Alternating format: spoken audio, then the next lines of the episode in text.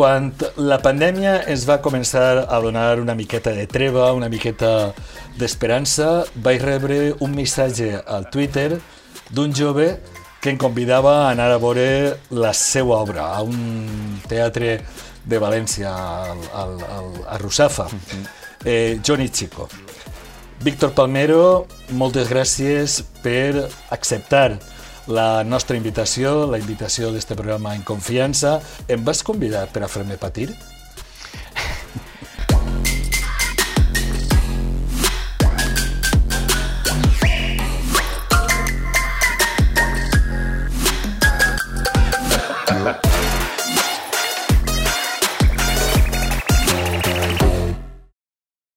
Mira, en confiança, jo pensava el mateix sobre aquesta entrevista, però, però crec que, que les dues coses van a ser unes experiències que, que ens van a fer créixer. Et vaig convidar perquè m'aveia molt que, que la vegueres, perquè em sembles un personatge molt interessant i que m'aveia molt que, que veure aquest treball que per a nosaltres era molt especial, eh, dels, més, dels més personals fins ara, i em va fer molta il·lusió que vingueres. Em va agradar molt. Te ho vaig dir, te ho vaig dir aquella nit i, i efectivament em va, em va commoure. Bé, jo t'he de dir que en aquest moment tenia sentiments contraposats. Eh, era un moment eh, en què tots encara teníem la por al cos, però per un altre eh, creia que la meva responsabilitat era també donar exemple, encoratjar a la gent a continuar consumint cultura. Avui, eh, vora un any després, eh, crec que vaig fer bé.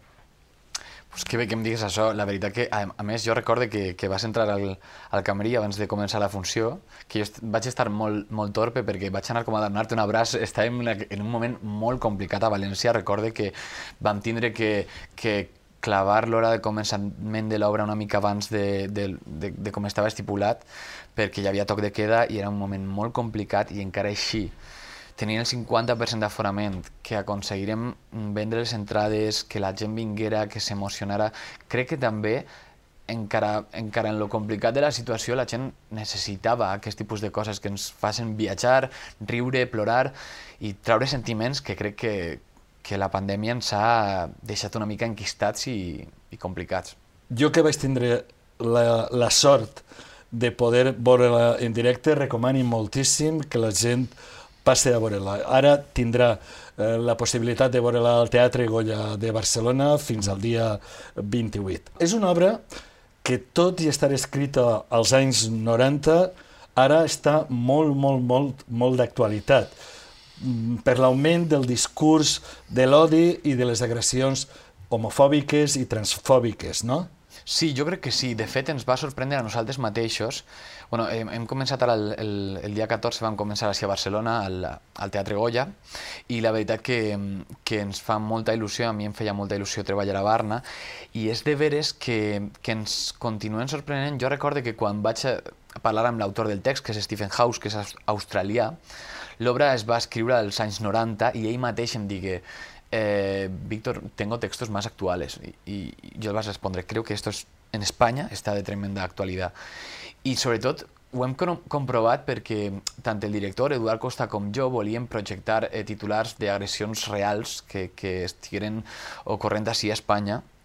I van començar l'obra ja pel 2018 i jo recorde buscar els titulars en Google i ara és que directament els titulars apareixen en primera plana en notícies molt heavies i sembla que és de veres, que, està, que cada volta aquest discurs d'odi està més, més fort. O pot ser també que cada volta ens atrevim més a, a denunciar-ho, que crec que també és una cosa molt interessant i molt necessària i, i si amb obres de, de teatre com aquesta estem aconseguint que fer una visibilitat, encara que l'ideal seria que, que l'homòfob o el que ataca o el maltractador fora qui vinguera a vindre l'obra per a tractar de canviar aquest tipus de ments, si, si aconseguim visibilitzar un poc amb Johnny totes aquestes coses, la veritat que, que ens, això ens fa molt, molt feliços.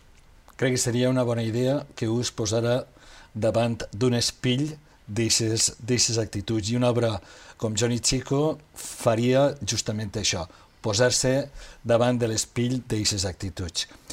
El monòleg eh, que tu fas va també de ser allò que cadascú és i sobretot de deixar ser a la gent allò que és. Uh -huh. eh, una cosa que hauria de ser normal. Home, eh, a mi hi ha una frase de l'obra que em fascina que és ¿Es posible hacer coincidir lo que eres por fuera con lo que eres por dentro? M'agrada molt aquesta pregunta. M'agrada molt aquesta pregunta pensant en un moment en el que sembla que estem constantment publicant imatges en les que estem somri somrient a les xarxes socials i després tenim coses darrere que no ens sabellis mostrar. I, i em semblava molt interessant este, aquest personatge perquè és com un interrogant. Johnny Chico és un interrogant que es pregunta a si mateix què és, què vol ser, a nivell personal i a nivell d'identitat sexual. I crec que és lo interessant de l'obra, que hauríem de tindre la llibertat de ser el que ens donarà la gana sense, sense tindre que escoltar tanta, tant, tanta opinió que al final sembla que ens condiciona des de xicotets i bueno, pues, opinions de tot tipus que al final què et vaig a contar? Lo hacen, Johnny, lo hacen. No, eso está hecho para mujeres, ¿no crees? La gran Perla todavía conserva su encanto. Ya, Perla, pero es que yo no sé si esto es para mí. ¿Es posible hacer coincidir lo que eres por fuera con lo que eres por dentro? Voy a ser simplemente Johnny, el chico otra vez. Tu contes que la teua infància no va ser precisament eh, un camí de roses. Que mentre altres joves d'onda eh, jugaven a futbol o als bous, eh, a tu t'agradava més fer coreografies. És més fàcil per als joves d'ara ser qui volen ser? Jo crec que sí, jo crec que cada volta més crec que, mm, que s'està treballant encara que hi ha molt per avançar a nivell d'educació sexual.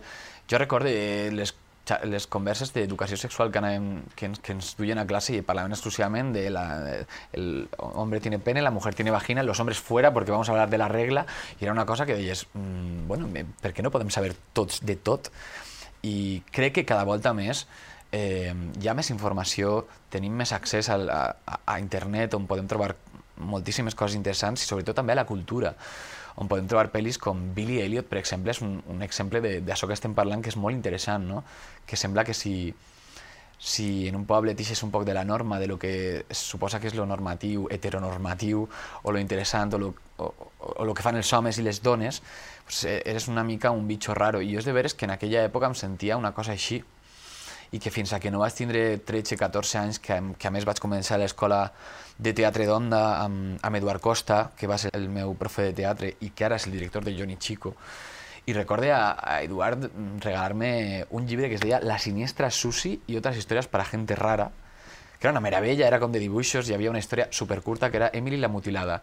Emily se fue a, al médico a un chequeo anual, se traspapelaron los, papeles y le cortaron una pierna. És una cosa absurda, però em va fascinar perquè era un llibre que parlava de gent diferent i de que es pot ser diferent i de que no passa res si eres diferent. I que, i que moltes voltes és de veres que tenim que escoltar coses que no ens agraden, però jo crec que una de les coses que estic més orgullós i que no sé d'on vaig treure és de que des de crio vaig, vaig posar aquestes orelleres que es posen als cavalls perquè només miren cap avant i que per molt que em digueren jo tenia molt clar el que volia ser. I, i vaig anar ahir al trote i ja més tard al galope eh, pues bueno, tractant de, de formar-me a mi mateix. En este camí cap a la igualtat, en la diversitat, el món creus que va a dues velocitats, una en els pobles i a una altra velocitat en les ciutats? Potser això estigui canviant. Jo vull pensar que sí, perquè d'alguna manera és de veres que, que ara eh, tenim moltíssim el que parlàvem, no? hi ha molt més accés a cultura, a internet, a poder eh, informar-nos, no? i sí és de veres que al final és inevitable que en jocs més menuts es, es senyale més al diferent i que... Però sí que m'agrada pensar que estem avançant al respecte. Jo penso que estem avançant al respecte. Jo eh, la m'ha donat en compte coses de l'institut i en compte coses eh, que serien absolutament inimaginables quan jo vaig estar en aquest mateix institut i crec que això ens dona moltíssima esperança. Mm. Per a molts valencians eres i continuaràs sent Nelo de Senyor Retor o el saxo tenor de Unió Musical de Capo. Què va suposar per a tu començar a treballar en una sèrie que s'emetia cada setmana i entrar cada setmana en les cases de tants valencians i valencianes?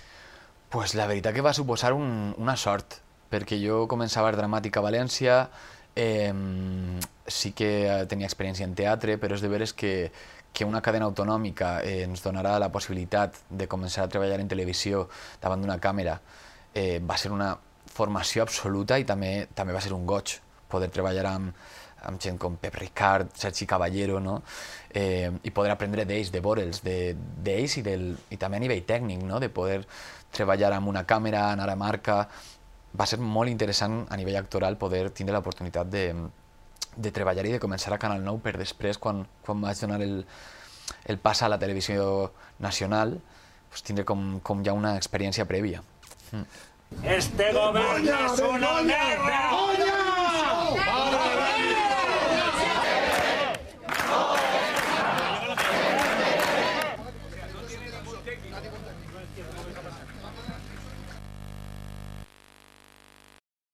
I què vaig sentir aquell dia i en directe quan es va tancar Canal 9? Pues, si et dic la veritat, eh, a mi se'm va trencar un poc el cor aquest dia. Vull dir, aquesta sort de la que t'estic parlant hasta d'ara, eh, per a mi també era la sort dels meus companys del dramàtic, de companys de, de l'escola o, o de companys de la meva edat que, que, que d'alguna manera mereixien les mateixes oportunitats que jo havia tingut i és de veres que, que bueno, van viure els últims coletazos eh, de, de Canal 9. Jo recordo anar a gravar Senyor Retor i tindre que plantar les gravacions perquè no ens arribaven els pagaments, perquè els bancs no es fiaven, eh, per tot el que estava passant, i ja començava tot a ser molt, molt, molt turbio, i recorde que va ser complicat, però sobretot recorde ja estar a Madrid quan, quan va ser el dia del tancament, en aquell moment amb, amb tota la gent al plató de, crec que era el plató de notícies, i uau, era molt emocionant, era molt dur veure a, a tanta gent que, que estava a punt de perdre el seu treball i a, i a més un treball que, que ens toca a, a tota la indústria que treballa en la televisió o en el cine, no? I, i va ser molt dur de veure que, que, que algo que a mi personalment m'havia ajudat d'aquesta manera eh, i que podia ajudar a tanta altra gent de la professió en tots els aspectes, pues que, pues que es fundia negre per, per una mala gestió. Jo aquella nit recordo que també tornava de Madrid i ho vaig estar mirant i crec que a molts se'ns va trencar una miquiu al cor eh, en veure mm, el que anava a passar d'una manera absolutament irremediable. Si continuem repassant la teva trajectòria, per als que voregen si fa no fa els 30 anys, eres aquell qui va matar Fer, un dels personatges més estimats de física o química. Com va viure el Víctor adolescent aquell complicadíssim paper en una sèrie de tantíssima audiència? Pues, um, jo ho vaig viure amb molta...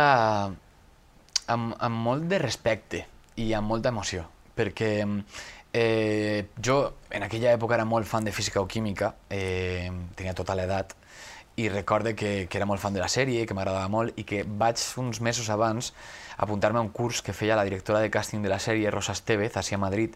Era un curs de cap de setmana, tu podies portar un monòleg, una escena del, del, del que tu vulgueres. Jo vaig escollir una, una seqüència d'American Beauty, de la pel·lícula, on un xaval parla d'una bossa que està ballant en l'aire. I, I em vaig presentar i crec que, que algo li va agradar a, la Rosa, que em va cridar dos cops per dos càstings, el primer no, no va tindre, no, no va llaure sort, i el segon va ser per al paper este de, de Toño, que acabava en la vida de fer, i, ostres, entrar en una sèrie que portava ja tant de temps, eh, on els actors estaven ja com, eren molt reconeguts, molt respectats, jo l'únic que sabia era que tenia tres capítols, que era la meva primera oportunitat a nivell nacional per a demostrar que podia fer un bon treball i que vaig arribar allí amb tota la concentració del món, tenia una, una coach, Cecilia Solaguren, una actriu que, que em va estar ajudant molt amb el paper i, i pese a que sé que hi havia moltes coses que en aquell moment podrien, distra podien distraure'm de, del que anava a fer, jo, la meva intenció era fer un bon treball. I mm, ja després vaig flipar amb tota, tota la parafernàlia de... Jo crec que no vaig ser conscient del, del que havia gravat fins a que no ho vaig veure a televisió. I de fet aquella nit que estàvem uns amics veient-lo, va acabar el capítol i em vaig quedar amb una sensació de...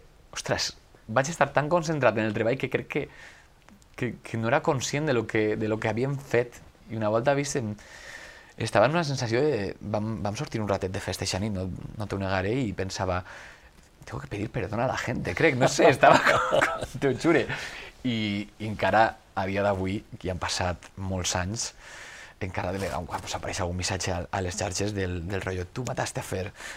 Però bueno, per altre costat pense, bueno, en, tre- en tres capítols vam aconseguir que aquell personatge siga etern. Recordat? Así que baja esa escopeta. Y empieza a luchar por ser feliz de otra forma, no haciendo el mismo daño que te han hecho a ti.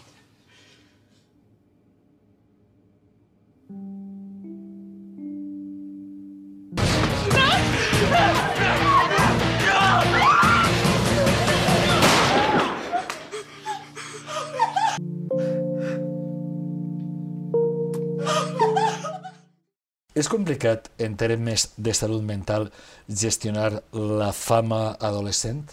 Bueno, jo és que és de veres que eh, el meu treball sempre ha estat molt escalonat, no he tingut un, un colp de fama, diguem que pot ser el més paregut al colp de fama heavy va ser la que s'avecina, i ja va arribar quan ja era una mica més adult. Sí és de veres que crec que, que vaig començar molt jove a la professió, sense ningú referent proper, familiar, de gent que haguera viscut tot això i que crec que moltes vegades he tingut que aprendre a base d'hòsties, eh, parlant malament. Eh, I sí que... Si, si et serveix d'algo, eh, jo igual.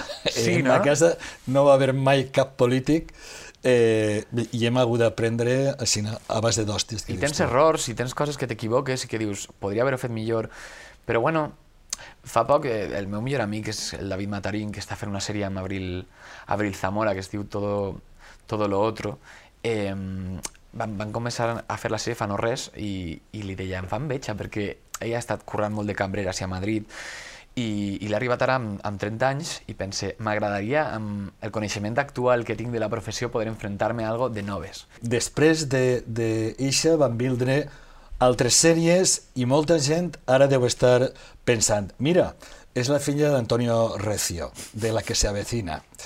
Eh, com et canvia la vida en aparèixer en una de les sèries amb més d'audiència de la televisió?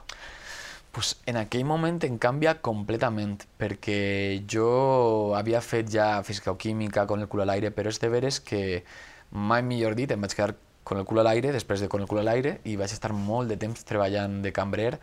Eh, era una època molt complicada i sí que és de veres que vaig tindre una oportunitat al teatre amb Eva i Santa, que interpreta la Cookie en la que s'avecina, i, i jo crec que gràcies a això els, els directors, Laura Caballero, Alberto Caballero, van vindre a veure-ho i jo feia un, diversos personatges i un tenia com una veu molt fina, molt una cosa, i jo crec que ahir van veure que podia, podia llaure algo.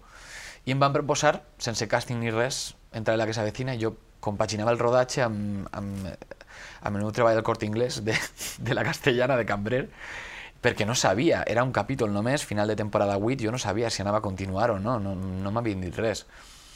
Aleshores, ja quan arribe, reescriuen el capítol en què el personatge es queda, va ser una passada i, i sobretot un agraïment també per l'oportunitat i, i un disfrutar-me-ho perquè, perquè és de veres que és un, una professió que és una muntanya russa i que, i que no pares de pujar i baixar i, i vaig disfrutar molt aquesta pujada i crec que, que ho vaig poder jugar molt amb, amb Laura Caballero, que va ser una connexió brutal des del principi, la directora, d'estar eh, això, posant cafès a, a poder permetre'm ja viure sol a Madrid, tindre un espai on assajar i pues, començar a formar una, una vida. Mira, eh, t'agarra el vol això que acabes de dir de treballar de cambrer i el llegiré unes paraules que tu mateixa vas escriure a veure si, si et sonen.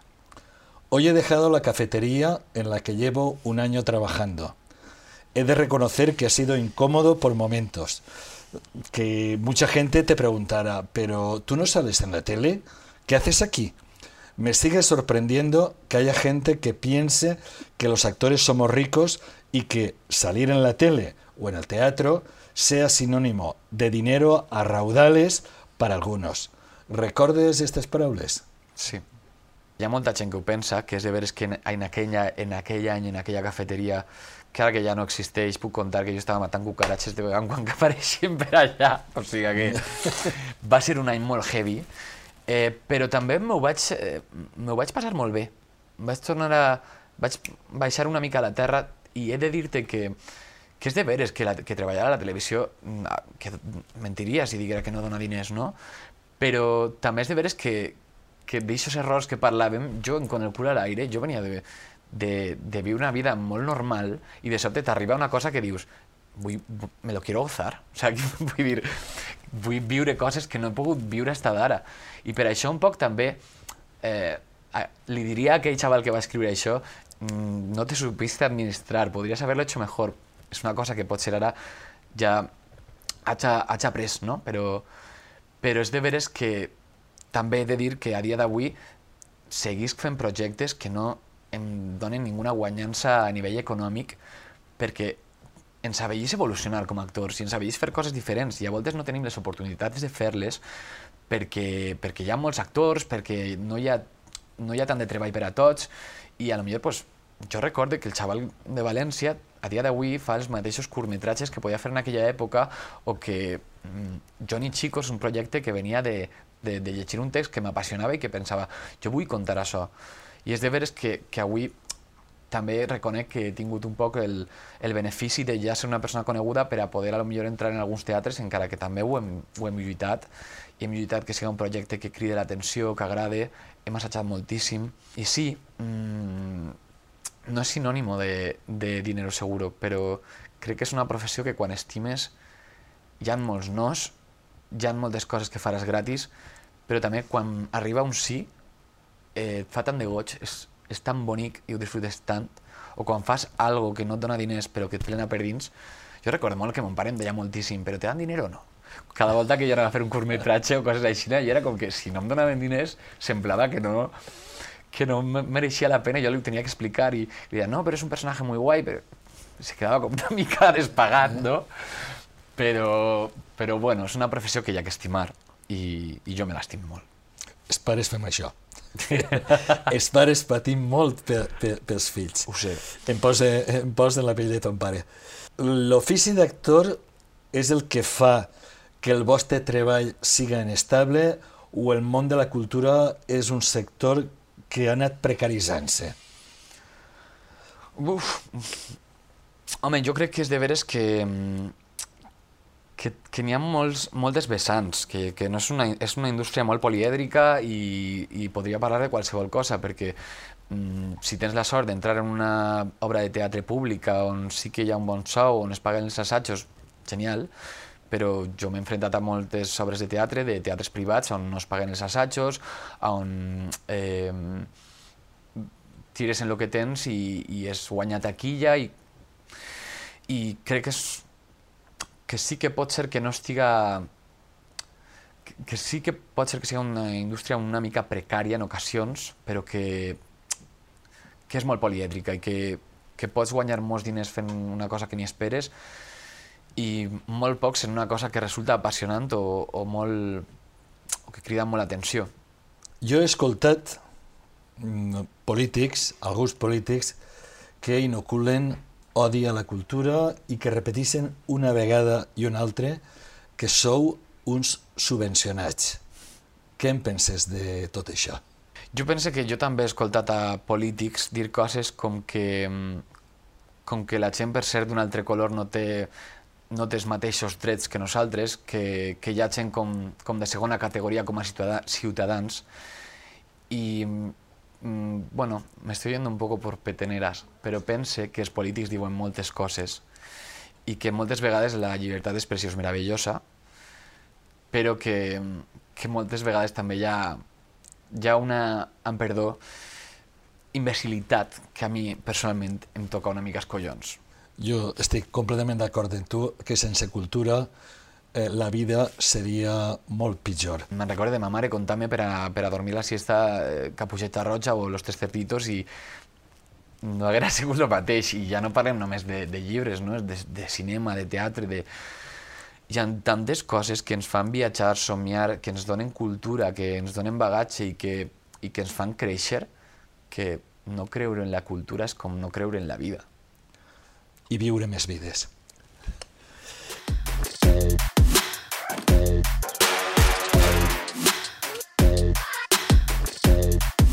Què li diries en confiança a un jove de poble que vol ser actor? Li diria que s'apuntara a, allò que tinga més prop, a una escola municipal de teatre, a, a si té una província a prop on hi ha alguna escola de teatre, a, a lo que tinga més prop, que llisca llibres de teatre i que, i que recerque per internet tot el que pot fer perquè són moltes coses. A un jove LGTBI que pateix bullying. Que si sent odi prop, que estiga segur de que hi ha gent que, que el va estimar o la va estimar i que, i que la vida no és així el moment només i que parle en la persona que tinga, tinga més prop i, que, i més confiança. Hi ha una mm, persona que fa bullying o que odia, simplement. Li diria que mm, invertirà tota aquesta energia en, en tractar d'estimar-se més a si mateix. Hi ha un hater que es dedica a inocular l'odi a les xarxes Directament del bloquejaria, un bloc, ja està. i què li diries en confiança a qui va tancar Canal 9? Diria que, que va fer una putada, que va deixar a molta gent sense treball com mereixia, que ha fet un període eh, de, en el que la cultura ha sigut més inaccessible per a tota la cultura valenciana i també agrairia a la persona que ha fet per, per obrir a punt i, i de fet agrairia i posaria en valor l'esforç que s'està fent des de punt per a recuperar tot el que, tot lo que s'ha perdut aquests anys sense televisió a València i també als ciutadans valencians es diria que, que apostaren per, per, per un canal que, que aposta per la nostra llengua, per la nostra cultura i que crec que s'esforça molt, amb molt poc, per a tractar de fer coses que, que són interessants i que tenen molt de valor. Una gran resposta. Moltes gràcies. A vosaltres.